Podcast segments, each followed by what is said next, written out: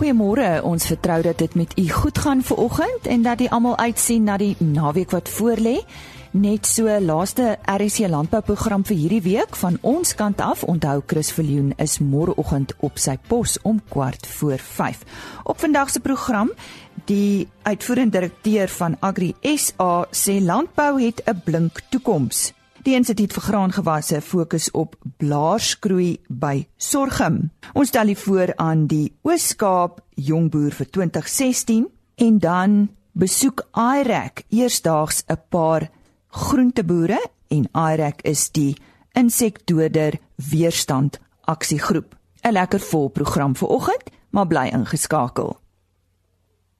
Tydens die Agri Noord-Kaap Kongres het Omri van Sail die uitvoerende direkteur van Agri SA vir Koos de Pisani ons medewerker daar in die Noord-Kaap gesê dat landbou 'n blink toekoms het. Kom ons luister. Omri op grond waarvan sê jy dat die landbou in Suid-Afrika 'n blink toekoms het?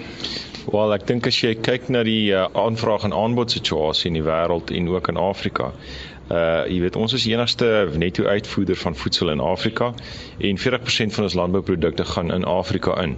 En daai mark het met rasse skrede gegroei en dit sal aanhou om te groei.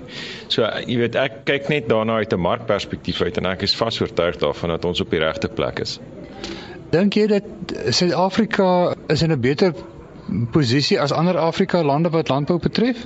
Ag verseker, ek meen ons het by verre die beste kommersiële landbousektor in Afrika, die mees gesofistikeerde sektor, die bes ontwikkelde wareketTINGS, ons infrastruktuur is nog redelik aanvaarbaar.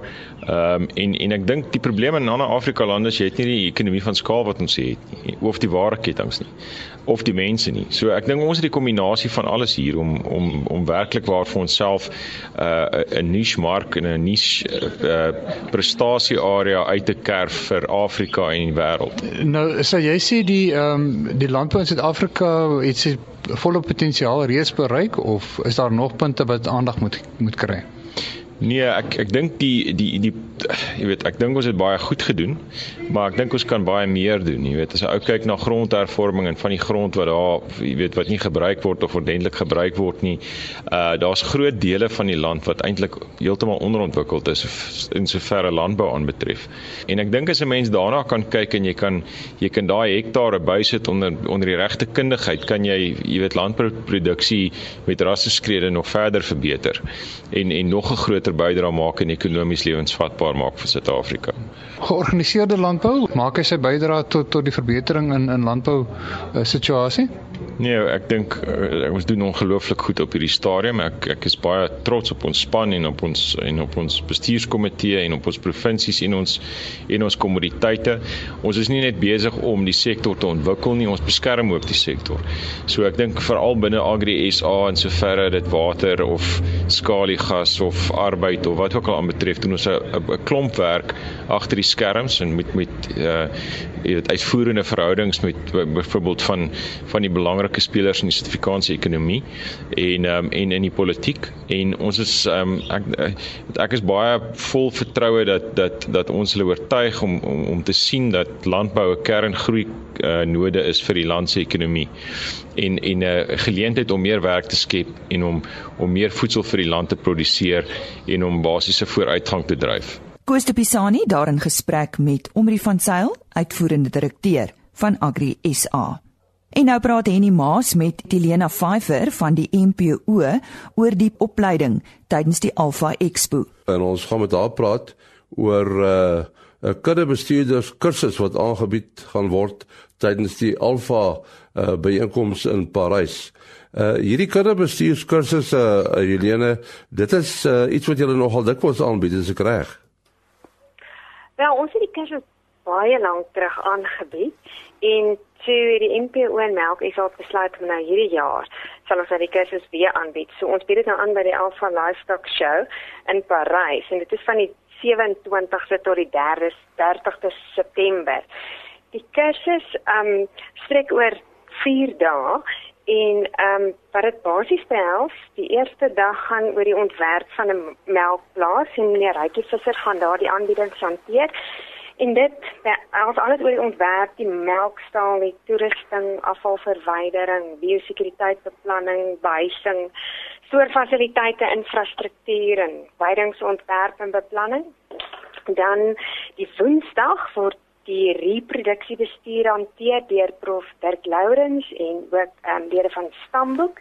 Dit sluit in reproduksiebestuurstelsels, kunsmatige inseminasie en toerusting bestuur en ehm um, telingsbeleid en ook die aanwending van jou bestuursinligting vir volhoubare wins en dan ehm um, word ook die gerekenariseerde programme wat vir melkaantekeninge gebruik word bespreek. Donderdag word ehm um, voedingsbestuur hanteer deur Kenneth Botha en ook tot uh, prof Dirk Lourens en dit hanteer basies die beginsels van voer en voeding, aankope, kwaliteit en voorraadbeheer en ook voeding volgens die produksieplan en voervloeiprogram en dan natuurlik ook die belangrikheid van die rol van die voedingskundige. Die laaste dag word afgesluit deur die um, hoofuitvoerende beampte van die NPO, Dr. Chris van Dijk en hy hanteer uh, gesondheidsbestuur van melkkuddes. En aspekte wat daar gedek word is die basiese beginsels van die gesondheids of die gesondheidsbestuur, die rol van die veearts, die aankope kwaliteit en voorraadbeheer van inentings en medisyne en dan ook die belangrikheid van dieregesondheid en biosekuriteitsprogramme. Die kursus gaan word dan nou daagliks aangebied van ongeveer 9:00 in die oggend tot 3:00 in die middag en daar gaan genoegsame tyd wees in elk geval vir die lede wat dit bywoon om ook die Alpha Scout ook by te woon. Dis ou vier dae, so uh, uh, het julle nou al belangstelling? Wel, ek moet sê die belangstelling is eintlik verrassend. Ja, daar's redelik belangstelling op hierdie stadium. Die ehm um, mense wat nog belangstel is welkom om my te skakel by ehm um, 0795281394 of 012843 5749. Hulle kan my ook e-pos by helene@npo.co.za en ek kan ook vir hulle al die inligting stuur wat hulle verlang. Ja, net weer jou selnommer asseblief. 079 528 1394. En nie daarin gesprek met Helena Pfeifer van die MPO en onthou vir meer inligting oor Alfa is dit www.alfaexpo.com. En nou gesprek wat ek gehad het met Dr Marike Kruiven van die Instituut vir Graangewasse en sy fokus vanoggend op blaarskroei by sorghum. Nou, goeiemôre. Ag baie dankie vir die geleentheid. Ehm um, ja, soos ek sê, ek wil net vandag bietjie stil staan by blaarskroei uh, van sorge, maar ehm um, voor ek nou daar begin wil ek dan net sê die beginsels eintlik tel vir alle gewasse. Wanneer mens na na blaarsiektes kyk, is dit maar altyd belangrik om in gedagte te hou dat jy met jou vinger op die hele probleem hou omdat dit op die einde van die dag op soveel wyse invloed of maniere invloed op die éventuele opbrengs het waarmee jy sit op die einde van die dag. Jy weet in die eerste plek uh, word jou blaaroppervlakte aangetast wat die fabriek is van die plant. So elke vierkante millimeter wat beïnvloed word, kan effektief nie meer fotosintetiseer nie. Hy word useless as ek so kan stel vir die plant. En um, dan word jou opbrengs beïnvloed. 'n Sekondêre probleem wat half ook uitvloei uit jou blaarsiektes is natuurlik dan dat jou plante geneig is om hoër graad van wortel en stamvloed te ontwikkel. Uh, wanneer hulle sukkel met sulke hoë vlakke van um, blaarbeskadiging as gevolg van 'n blaarsiekte. Nou, om nou weer terug te kom net vinnig na die blaarskroei toe vir die produsente wat nou nie heeltemal weet wat dit is nie. Ehm um, blaarskroei word veroorsaak deur presies dieselfde patogeen wat noordelike mielieblaaskroei beïnvloed of veroorsaak. So op einde van die dag is die letsels nogal baie dieselfde met die met die verskil, jy weet dis koolvalvormige letsels, maar die verskil is dat jou sorghum 'n letsels is geneig om baie keer meer 'n rooi band om die letsels half te vorm. Wat egter interessant is en waarop ons nou weet al hoe meer aandag of fokus van navorsing word, is die feit dat gevind is dat hoewel dit dieselfde patogeen is, ehm um, verskil die isolate in terme van watter van die twee gewasse hulle afgekom het. Ons het byvoorbeeld gevind dat as jy isolaat vat of dan nou patogeen vat wat jy nou net van 'n sorgplant afgehaal het, kan hy nie noodwendig mielies infekteer nie en die wat van die mielies in afgehaal is, kan nie noodwendig sorg om infekteer nie. So daar's 'n jy weet daar's 'n verskil tussen die isolate en dan kry jy natuurlik nou 'n middelgroep isolate wat in staat is om beide gewasse te ehm um, infekteer en dan skade te veroorsaak. Ehm um, wat voorheen egter onbekend was ook vir ons was die vlak van skade wat 'n mens kan verwag as gevolg van blaarsgroei of hierdie ehm um, patogeen. En uh, dit is baie altyd goed uiteengesit families maar nooit regtig versorg nie. So ons het nou 'n studie gaan doen en probeer kyk watter vlak van ehm um, verlies kan 'n produsent verwag sou hierdie siekte inkom. Nou, ons het gevind dat sê maar byvoorbeeld met blom, wanneer mens kyk na die blomstadia, het ons gevind dat as die siekte inkom op daai spesifieke stadia, kry jy 7.5 opbrengs uh, persentasie opbrengsverlies vir elke 10% toename in siekte. Dit beteken sê elke keer as jy jy weet eh, op 10 of 20% of 30% skade op blom het, kan jy verwag dat jy elke keer gaan spring met 7.5% in die opbrengsverlies. Wanneer mens dan nou kyk na bietjie later as die siekte later sou inkom, soos op um, jou sagte deurstadium, is die opbrengsverlies 5% vir elke 10% sprong wat hy maak in siekte toename. En dit is ook 'n beginsel wat produsente dan moet onthou wanneer dit by blaassiektes kom, is hoe vroeër die siekte inkom, hoe groter potensiaal of hoe groter dit éventueel op jou opbrengsverlies en daarom uh, moet 'n mens maar half gewoonlik van jou blomstadia af seker maak dat jou gewasse skoon is van enige siektes. So dan laastens wil ek net sê uit hierdie studie wat ons dan ook so voorlopig gedoen het, was dit duidelik dat daar is kultivar verskille. Ehm um, in terme van weerstand vir so produsente wat dalk sukkel met ehm um, blaarskroei is met hulle saadmaatskappye of die saad uh, verskaffers kontak en hoor by hulle in terme van wat hulle kan plant vir noordelike blaarskroei dan 'n probleem wees of blaarskroei spesifiek op sorge dan vir hulle 'n probleem wees. Van die Instituut vir Graangewasse daar op Potchefstroom, Dr. Marike Kruiven. Die Oos-Kaap Jongboer vir 2016 is onlangs aangewys. Hy is Chili Machizula. Hy's 'n melkboer daar van die Alexandria omgewing, maar oorspronklik van die Limpopo. Ek wou by hom weet hoe het hy in die Oos-Kaap beland? My journey started back at Limpopo. I, I did my primary and high school at Limpopo. I, I matriculated in 2004. I later went to Tshwane University of Technology in Pretoria. That's when I, where I studied animal production. In 2006, I got an opportunity to join Amadlelo Agri. That was after I was quite fortunate to be one of the people that was selected after interviews. And Amadlelo Agri is based in Eastern Cape. It's a group. It's basically formed by a group of dairy farmers wanted to to be part of the land reform uh, uh solution, and um, they deal more with agriculture. They also involved in academia as well. And in 2007, uh, I, I moved to Eastern Cape where I started my in service training. And I was based at that time in Cookhouse, which is just on the other side of Craigdock. It was a very big dairy farm milking 1,800 cows on an 80 point rotary irrigation farm with all bells and whistles in it. Um, I did my training there at, uh, for, for about seven months, and I was later moved to another farm in Alexandria, which is very much chalk and cheese comparing to where I was in the past. It's a, it's a, it's a, farm which is a dryland based, milking much less a number of cows than what I was milking in my first seven months of my training. Um, that's where I joined Walter Big, who mentored me up until uh, I got to a point where I took over the management role myself. So uh, in, in 2007, I was moved to, to, to Alexandria, as I said. There, I started milking on a farm, which which was a very much a startup business. Uh, I, I, was very much involved also on its development. I was there when we milked the first cows.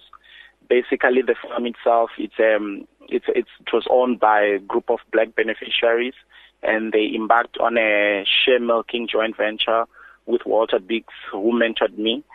And um, it, it, was a great opportunity for me. it was a small business, so I get to know more, uh, to learn more things in a in a in a in a attention to detail level than uh, what we had in the past where uh, it was a lot of cows, so there was not much time for attention to detail. Nou jy's betrokke by een van die moeilikste landbou-industrieë in die land. En dit is melkboerdery. Hoe bly jy positief? Um, tell you what, in 2008, oh, it was on my head too. I, I was still very much on a training level. I, I learned something very interesting.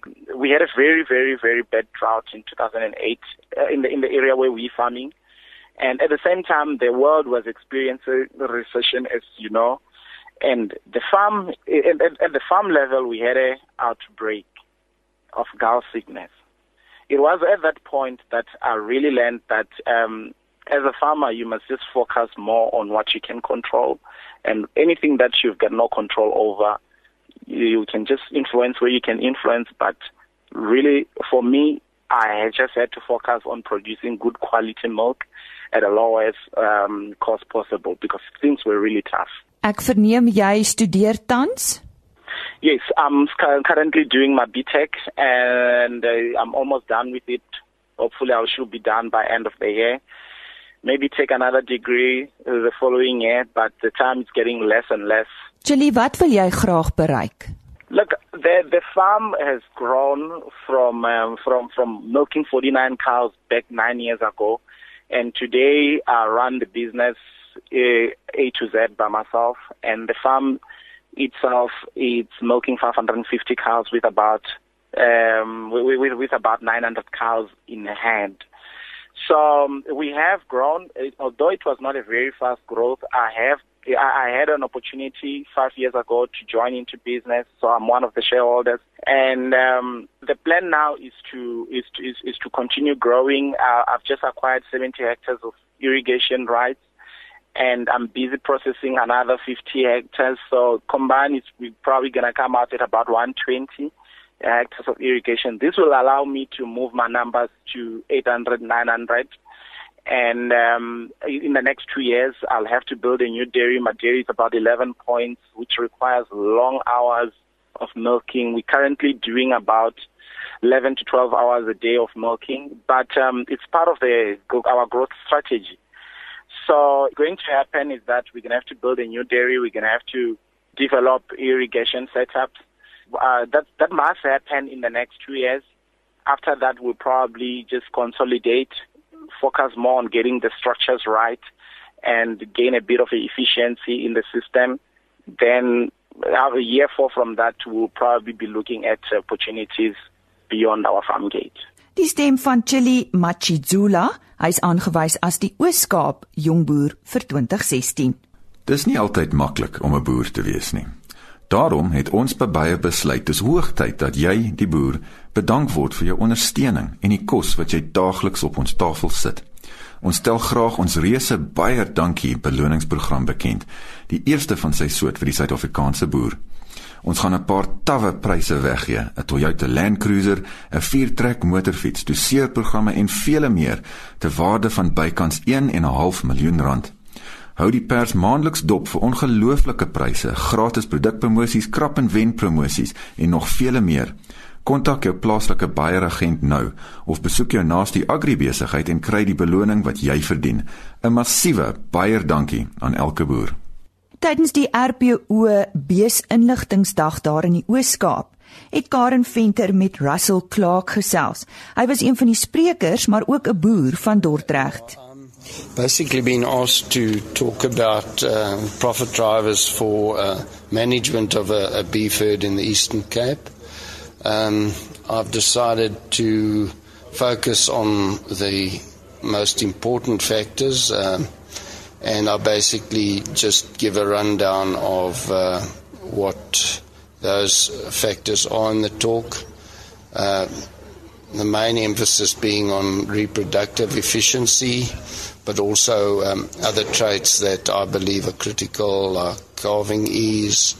Uh, milk growth uh, and cow size. And it's all from your own experience? For, for sure. Uh, it is from my own experience and what you learn from, from others from time to time.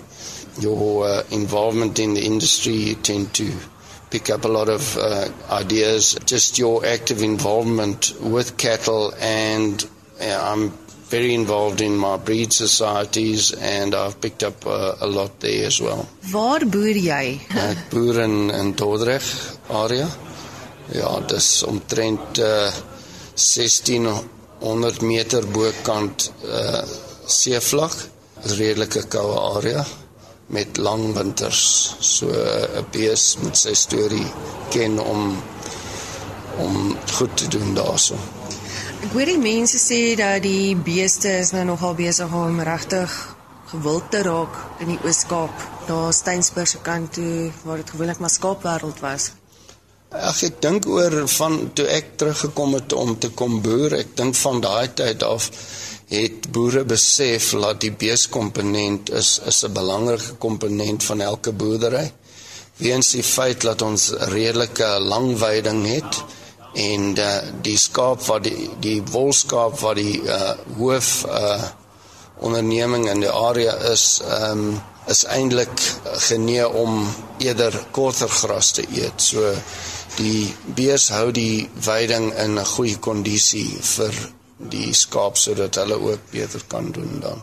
Dankie ook aan Karen Venter vir daardie bydrae. Sy het daar met Russell Clark gesels. Hy was een van die sprekers en ook 'n boer van Dordrecht. Irek besoek eersdaags 'n paar groenteboere met 'n werkswinkel. Die samesteller van hierdie werkswinkel is Des of Desrey van Heerden van Syngenta en sy verduidelik eers wie is Irek en wat hulle doel is met hierdie werkswinkels. Irek is eintlik die inseksweerstandsgroep. Dis 'n internasionale groep wat onder CropLife se ehm um, Sambreel liggaam val en ons hanteer enige vermoedens van weerstand of weerstandsprobleme wat gerapporteer word. So in Suid-Afrika het ons 'n groep wat dan rapporteer aan die internasionale groep. En wie is nou in Suid-Afrika lede van IREC?